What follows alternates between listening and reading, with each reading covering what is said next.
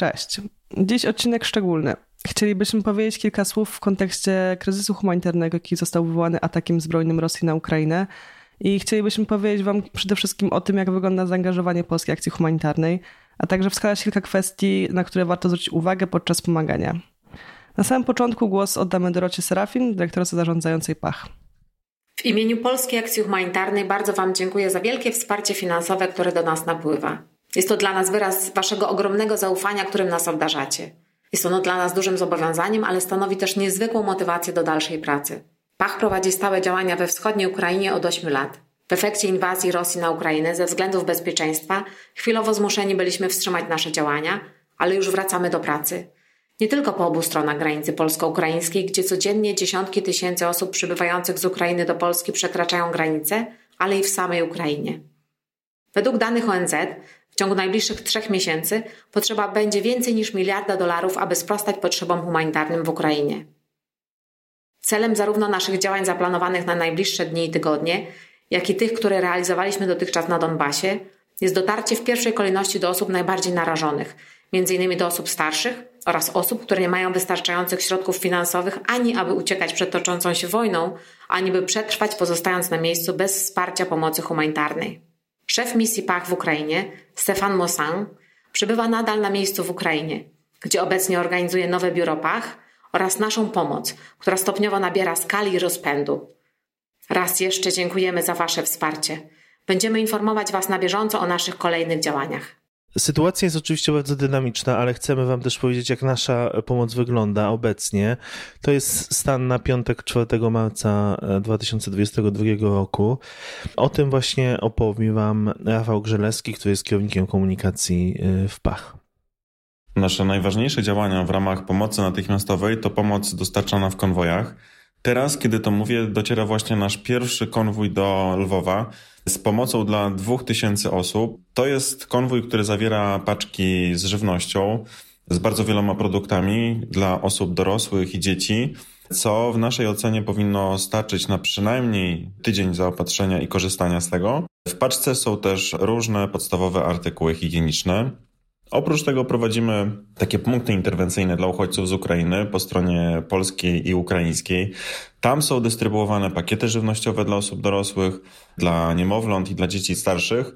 Oprócz tego dystrybuujemy też pakiety higieniczne, są też kocy, śpiwory, no czyli tak właściwie wszystko to, co pozwala przetrwać w takich najtrudniejszych chwilach po ucieczce z domu. Planujemy też, i to jest bardzo ważne, udzielanie wsparcia psychologicznego dla osób, które właśnie z powodu wojny musiały uciekać ze swoich domów. No to jest bardzo trudna, bardzo wymagająca i często traumatyczna sytuacja.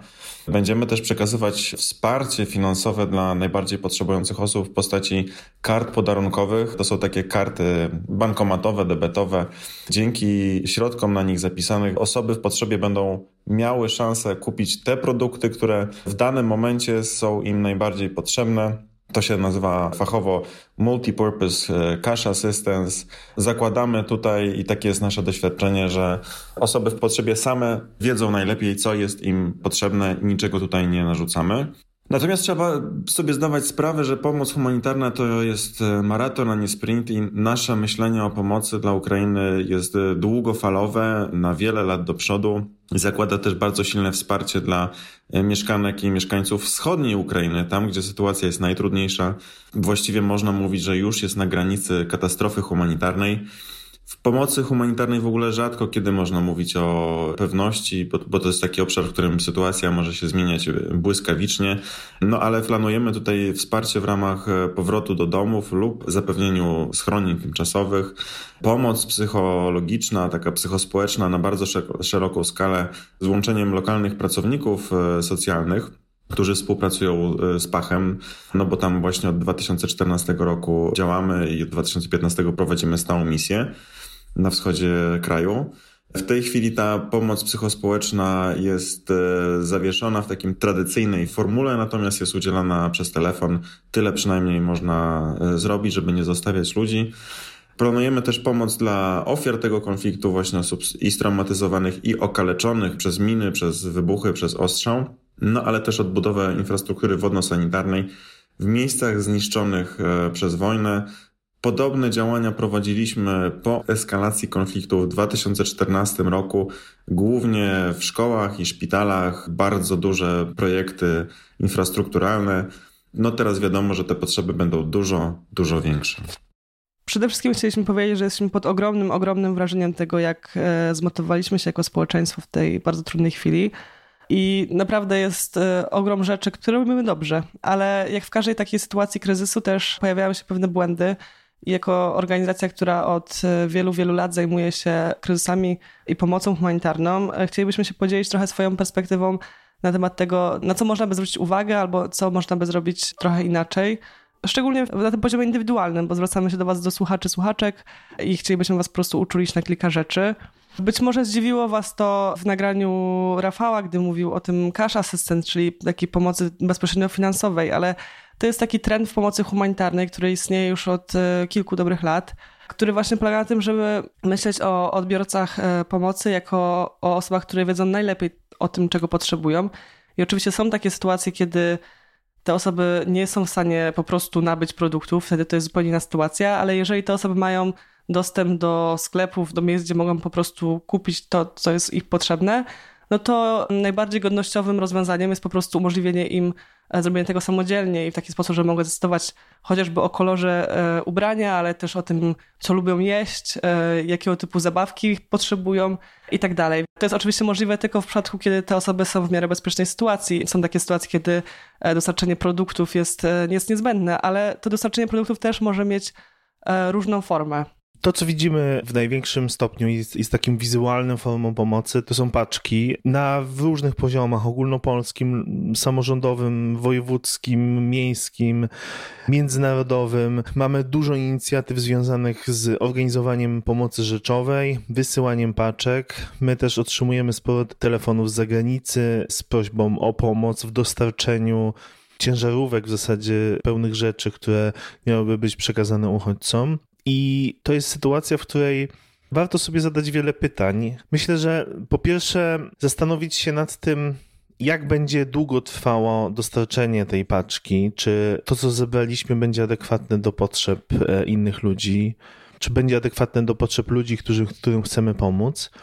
Poza tym, e, na pewno część z Was, być może organizując już pomoc, ma takie doświadczenie, że otrzymywanie dużej ilości rzeczy powoduje konieczność ich magazynowania, sortowania, przepakowywania. Do tego potrzebni są ludzie, zwykle bardzo dużo ludzi, dużo pracy do wykonania.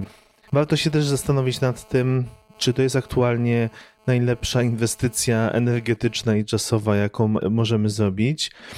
Ja zwykle, jak rozmawiam z osobami, którzy chcą pomagać i którzy na przykład do nas dzwonią albo do nas piszą, sugeruję taką pomoc rzeczową tylko w takich sytuacjach lokalnych, to znaczy wtedy, kiedy znamy konkretne potrzeby osoby i wiemy, że możemy my je zaspokoić rzeczami, które kupimy albo oddamy. Pamiętajmy tylko, że wokół pomocy niezwykle ważną jest kwestia godności ludzkiej. Dlatego też pilnujmy tego, aby te rzeczy były nowe, a przynajmniej, żeby były w bardzo dobrym stanie i były faktycznie tym, co dane osoby po potrzebują. I oczywiście nie chcemy tutaj mówić zero-jedynkowo, że zbieranie rzeczy jest złe, bo absolutnie nie i też e, ta mobilizacja i też ogromny poziom organizacji e, przy tych wszystkich e, zbiórkach jest naprawdę imponujący i myślę, że bardzo dużo dobrego dzięki temu się wydarzyło i będzie się wydarzać. Ważne jest to, żeby rozróżniać, kiedy to jest adekwatne, kiedy nie. I tak jak już powiedział, jedna rzecz to jest e, indywidualne osoby, kiedy znamy czyjeś potrzeby. Wiemy też, że konkretne rzeczy są e, zbierane, kiedy wiadomo, że jakichś konkretnych produktów brakuje po stronie ukraińskiej, one są zbierane i wywożone. To też jest e, sytuacja, kiedy wiemy dokładnie, jakie są potrzeby.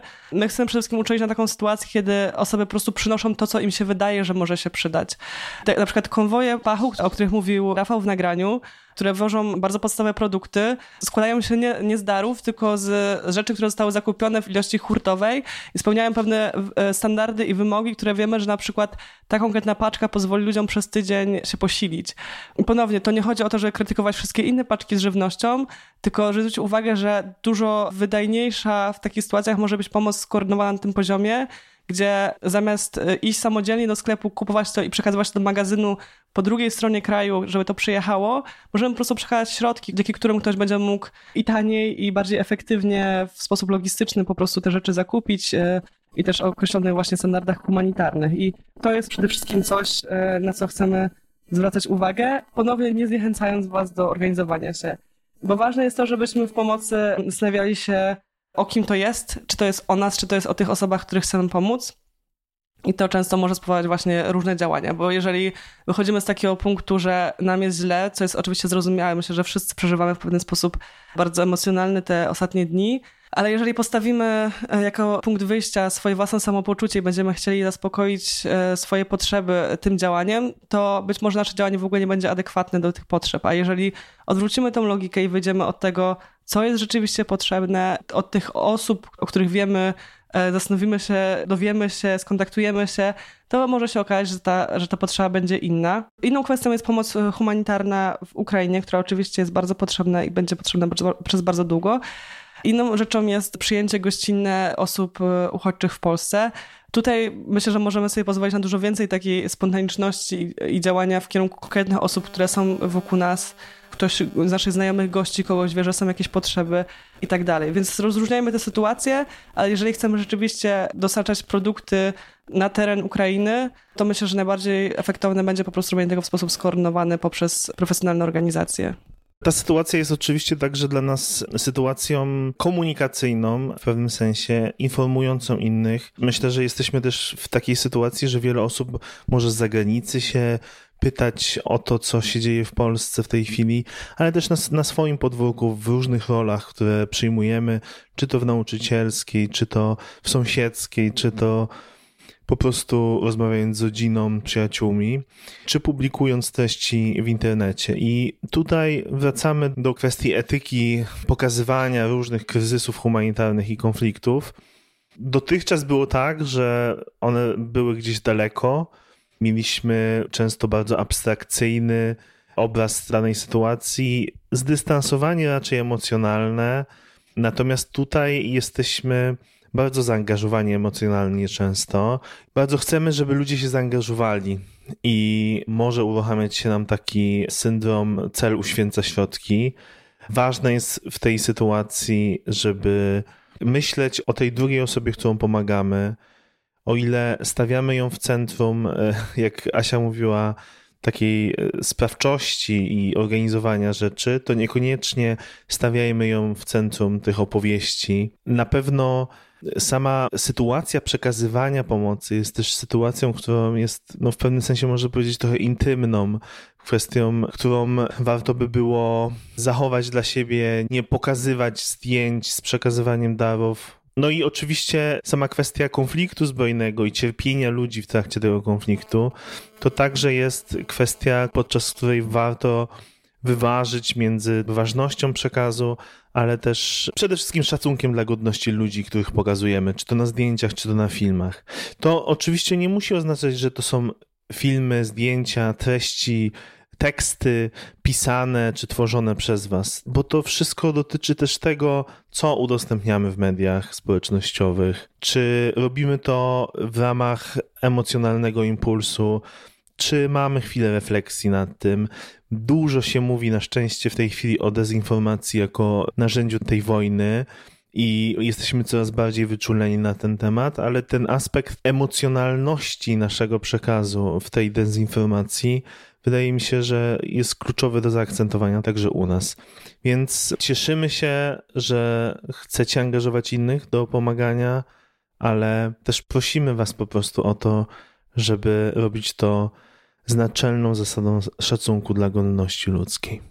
I mówiąc o tym wszystkim, pamiętajmy też, że tak w każdym konflikcie jakby jest e, prawdopodobne, że nasze przekazy też dotrą do tych osób, to tutaj jest to wręcz pewne. To znaczy te osoby widzą i słyszą to, co my mówimy, w jaki sposób o nich mówimy, ich rodziny, ich znajomi i miejmy to na uwadze, bo ten egzamin, który my zdajemy jako społeczeństwo, zdajemy go nie jako Polki i Polacy, zdajemy je jako społeczeństwo, w której dużą mniejszością są Ukraińcy i Ukrainki, które też bardzo często są koordynatorkami, koordynatorami tej pomocy i oddawajmy im też jak najwięcej przestrzeni na to, żeby właśnie mogły te eksperckie role w tych działaniach podejmować, bo tak i teraz, tak i przez cały ten proces będziemy potrzebować nie tylko ich dwujęzyczności, ale też ich wiedzy kulturowej i też ich wrażliwości na potrzeby osób, które znają lepiej niż my. Więc e, miejmy na to wszystko wrażliwość, pomagajmy dalej tak jak pomagamy, bo naprawdę dzieją się rzeczy w Polsce piękne. Myślę, że, że nie mam innego słowa, żeby to określić, ale z jeszcze większą wrażliwością i pamiętając to, to, co już myślę, że trochę stało się hasłem e, wyświechtanym, ale ważnym, to nie sprint, to maraton pomoc uchodźcom e, jak najbardziej, ale też e, pomoc humanitarna w Ukrainie będzie dopiero się rozkręcała i będzie potrzebna jeszcze przez lata, więc e, dziękuję Wam za to, że pomagacie nam pomagać. Mam nadzieję, że tej wrażliwości nie zabraknie nam na maraton.